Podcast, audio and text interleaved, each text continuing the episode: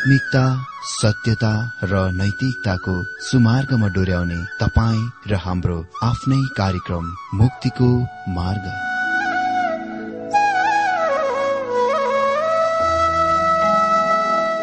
आदरणीय श्रोता यस मुक्तिको मार्ग कार्यक्रममा हार्दिक स्वागत छ। आशा छ यस आत्मिक कार्यक्रमद्वारा जीवनमा आत्मिक आशिष अलौकिक शान्ति र आनन्द प्राप्त गर्नुहुनेछ। र जीवनमा धन्य अनुभव गर्नुहुनेछ। आउनुहोस् श्रोता मन र आत्माको तयारीको लागि यो मिठो अनि मधुर भजन गीत सुनौ।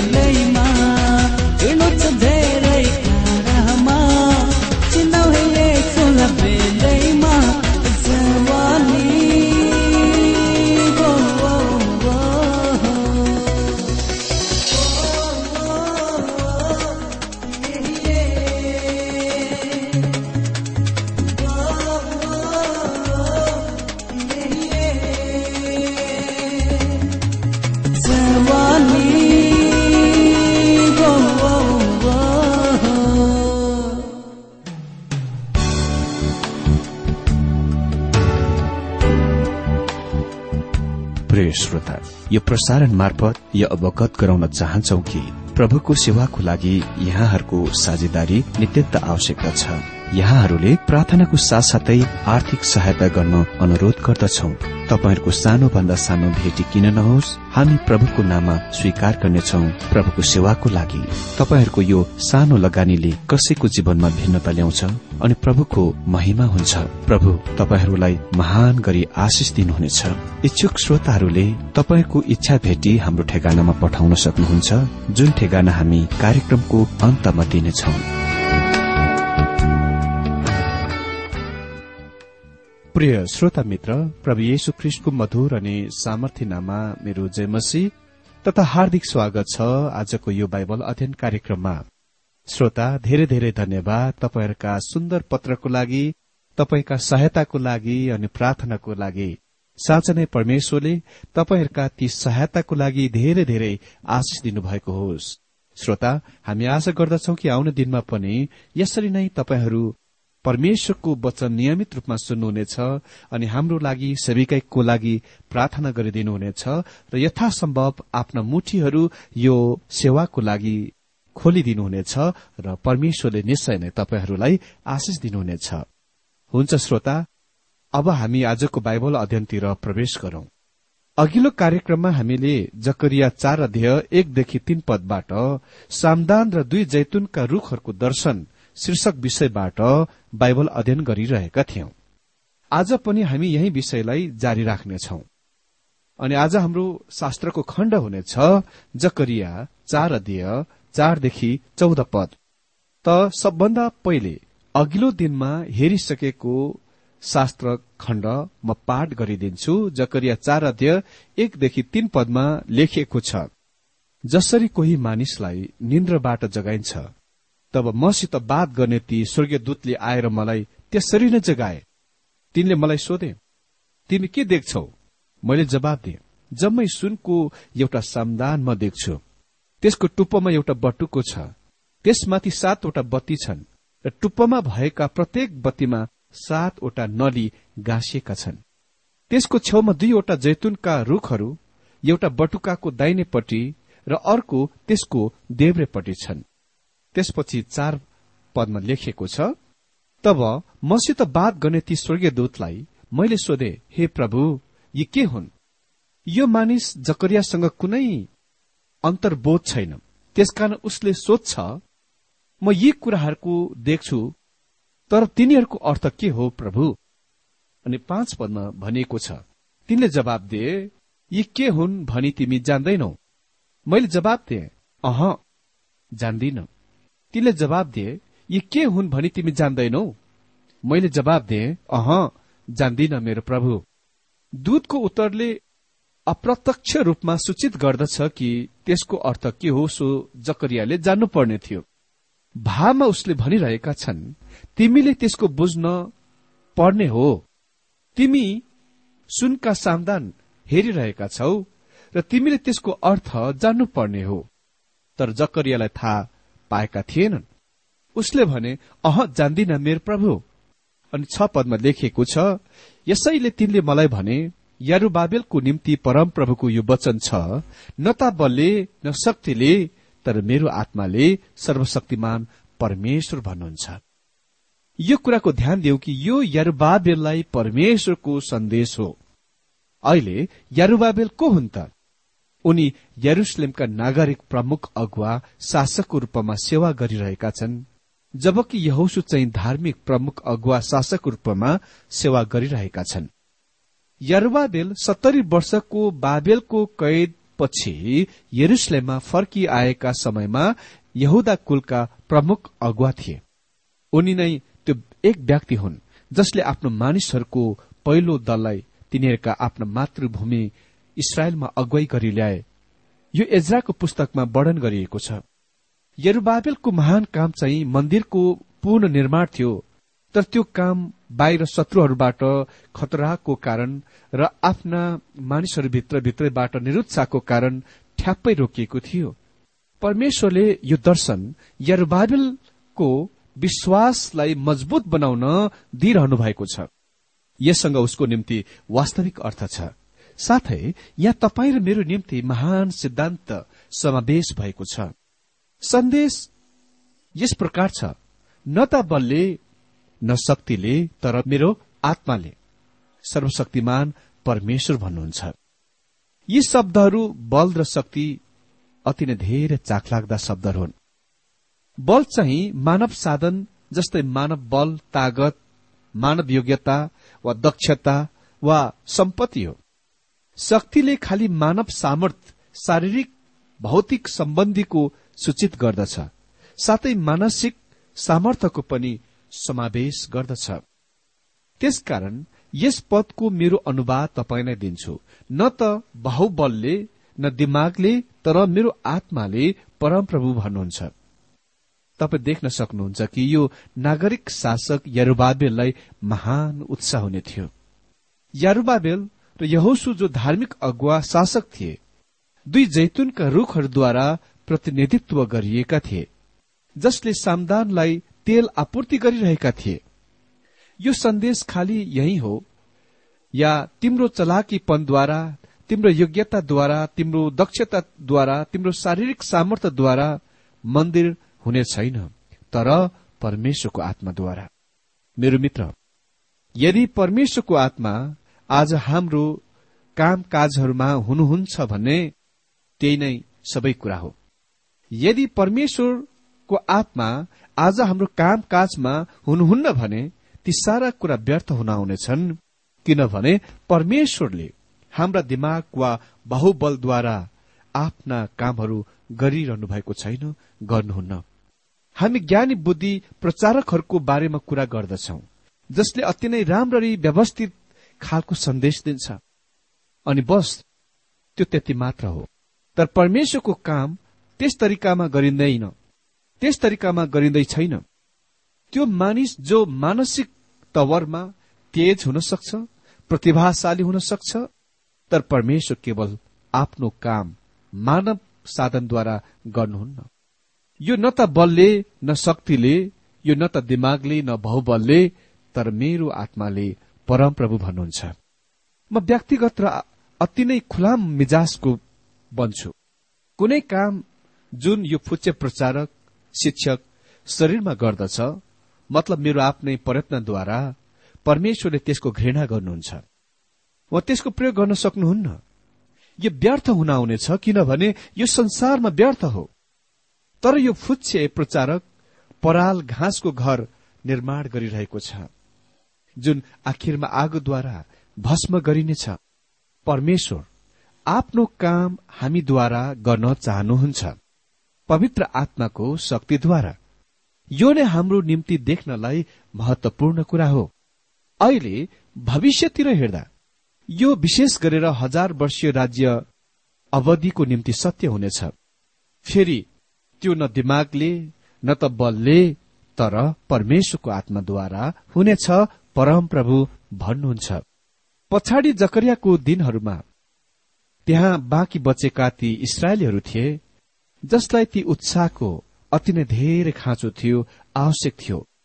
किनभने तिनीहरू विरोधद्वारा पराजित गरिएका थिए र तिनीहरू सन्देह र भयहरूद्वारा घेरिएका थिए। त्यसकारण व्यवस्था दिइएको थियो। यो यरुवाबेलको निम्ति परमप्रभुको वचन छ। तिनीहरूलाई उत्साह दिनलाई मित्र सात पदमा लेखिएको छ ए शक्तिशाली पर्वत त के होस्? यरबाबेलको सामुन्ने त मैदान हुनेछस्।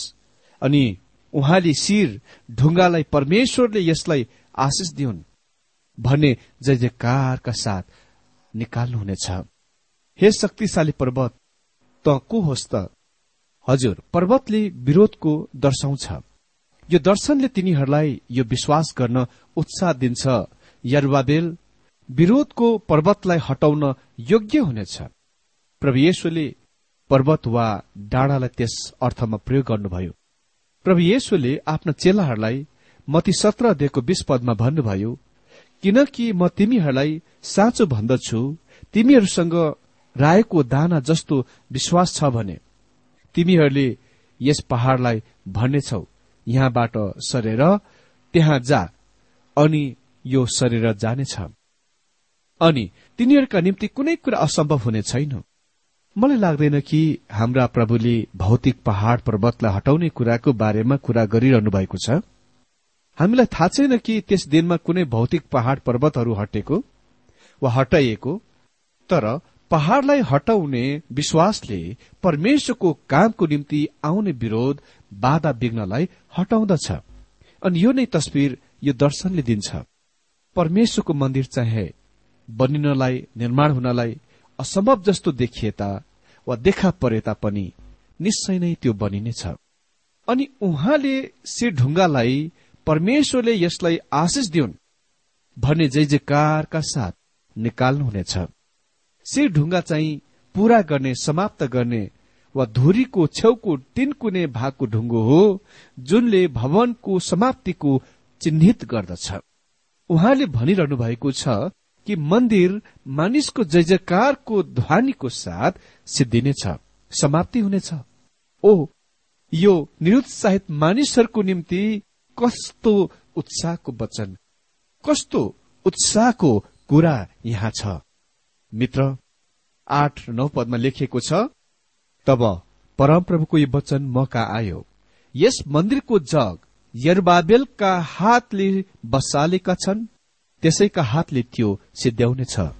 तब तैले जानेछस् कि सर्वशक्तिमान परमप्रभुले मलाई पठाउनु भएको हो। यो परमेश्वरको प्रतिज्ञा छ कि निर्माण काम रोकिने छैन कुनै पनि हालतले र अन्तिममा कसैद्वारा यसको बनाइएर सिद्ध्याउनेछ। तर यरुबाबिल स्वयंले यसको बनाएर सिद्ध्याउनेछन्।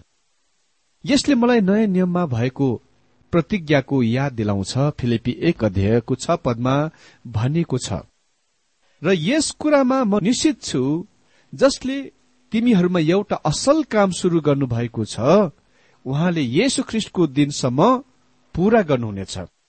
परमेश्वर यरबाबेललाई भनिरहनु भएको छ तिमीले जग बसालेका छौ र म तिमीसँग थिएँ। र तिमीले त्यसमाथि छाना पनि लगाउन गइरहेका छौ र म तिमीसँग हुनेछु। दशपद साना कुराहरूको दिनलाई कसले तुच्छ ठान्छ? यरुबाबेलको हातमा तिनीहरूले साहुल देख्दा मानिसहरू रमाउनेछन्। यी सातवटा बत्ती चाहिँ परमप्रभुका आँखा हुन् जसले सारा पृथ्वीमा यताउता हेरिरहन्छन्। साना कुराहरूको दिनलाई कसले तुच्छ ठान्छ? म तपाईँलाई भन्न सक्छु कि कसले तुच्छ ठान्छ? हामी साना कुराहरूको दिनलाई तुच्छ ठान्छौ। हामी धेरैहरू ठूला र महान कुराहरूले प्रभावित पारिन्दछौ। हामी चाहन्दछौ हाम्रा क्रिस्चियन कामहरू सफल कथा भएको। हामी सफलतालाई भवनको आधारद्वारा आकारद्वारा र त्यहाँ आउने भीड़हरूद्वारा नाप्दछौ मित्र मलाई दिन प्रतिदिन यो कुरामा दृढ निश्चय भइरहेको छ कि परमेश्वर निश्चल तरिकामा र निश्चल स्थानहरूमा आज काम गरिरहनु भएको छ। म आफै स्वयंसँग पनि कुरा गरिरहेको छु। जब म भन्छु हामीले साना कुराहरूका तुच्छ ठान्न छोड्नुपर्छ। भनिएको छ यरुबाबेलको हातमा तिनीहरूले साहुल देख्दा मानिसहरू रमाउनेछन्। साहुल चाहिँ भवन सिधा ठाडो छ या छैन सो कुराको तय गर्न प्रयोग गरिन्दछ।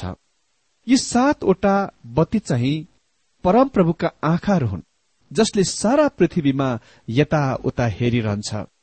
यसले चाहिँ यो कुराको संकेत गर्दछ परमेश्वरले हरेक भइरहेका कुराहरू जान्नुहुन्छ र उहाँ अझ अधिपत्य गरिरहनु भएको छ।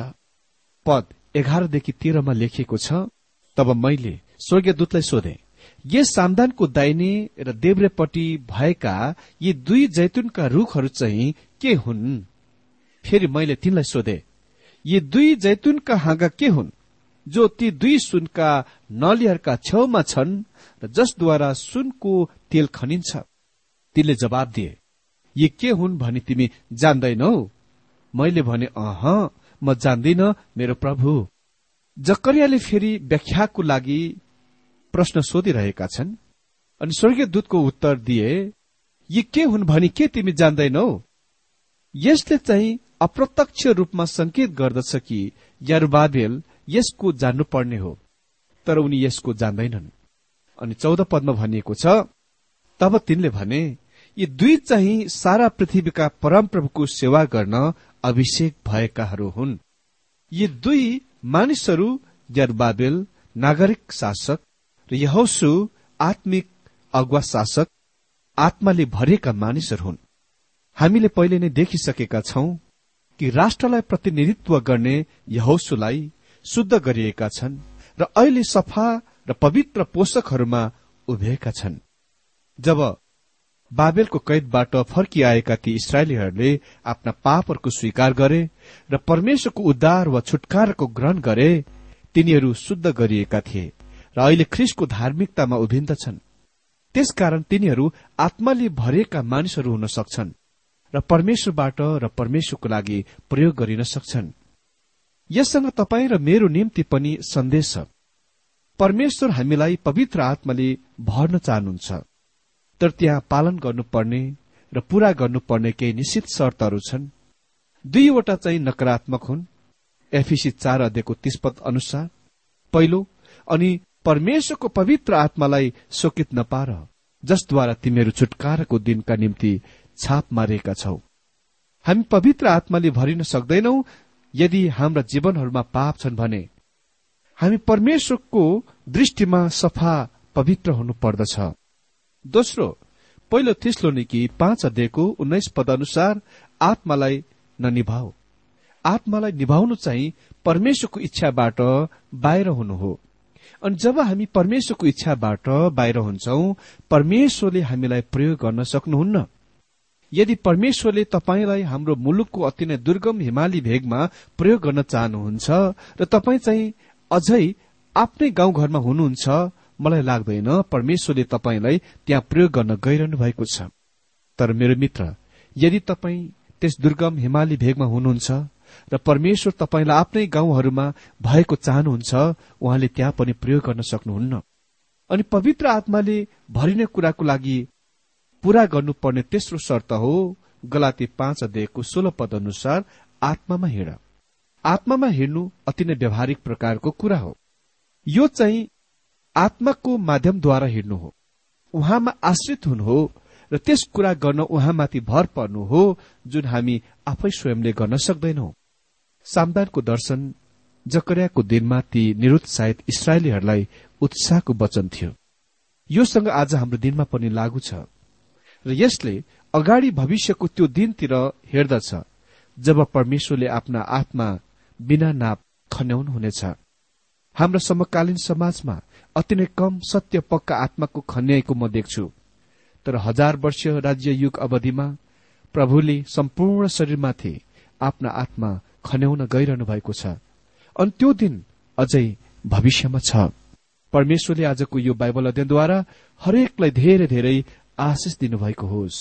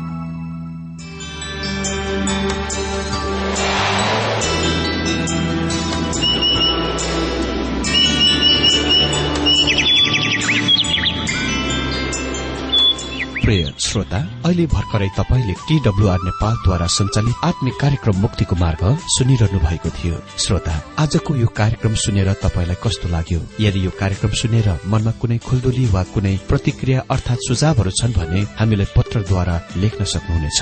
हामी हृदयदेखि नै स्वागत गर्नेछौ स्वीकार गर्नेछौ साथै बाइबल सम्बन्धित प्रचारहरू कार्यक्रम सारणीहरू हामी अनुरोधमा पठाउन सक्छौ। अनि तपाईँसँग कुनै प्रार्थनाको विषय छन् भने हामीले तपाईँको लागि प्रार्थना गरेको चाहनुहुन्छ भने प्रभुमा आफ्नै परिवार सम्झेर हामीलाई पत्रमा लेख्न सक्नुहुनेछ।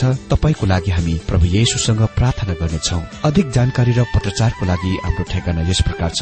कार्यक्रम मुक्तिको मार्ग जीपीओ नम्बर उनानब्बे पचहत्तर एपीसी पच्चिस काठमाडौँ ठेगाना एक पल्ट सुन्नुहोला। कार्यक्रम मुक्तिको मार्ग जीपीओ नम्बर उनानब्बे पचहत्तर एपीसी पच्चिस एकसठी काठमाडौँ। हाम्रो इमेल एड्रेस हो TWR Nepal at Yahoo dot com साथै यस नम्बरमा एसएमएस गर्न सक्नुहुनेछ अन्ठानब्बे चार सत्तरी पैतिस छ सय उनासी नौ आठ चार सात जिरो तीन पाँच छ सात नौ। हुन्छ श्रोता आजलाई हामी विदा चाहन्छौ।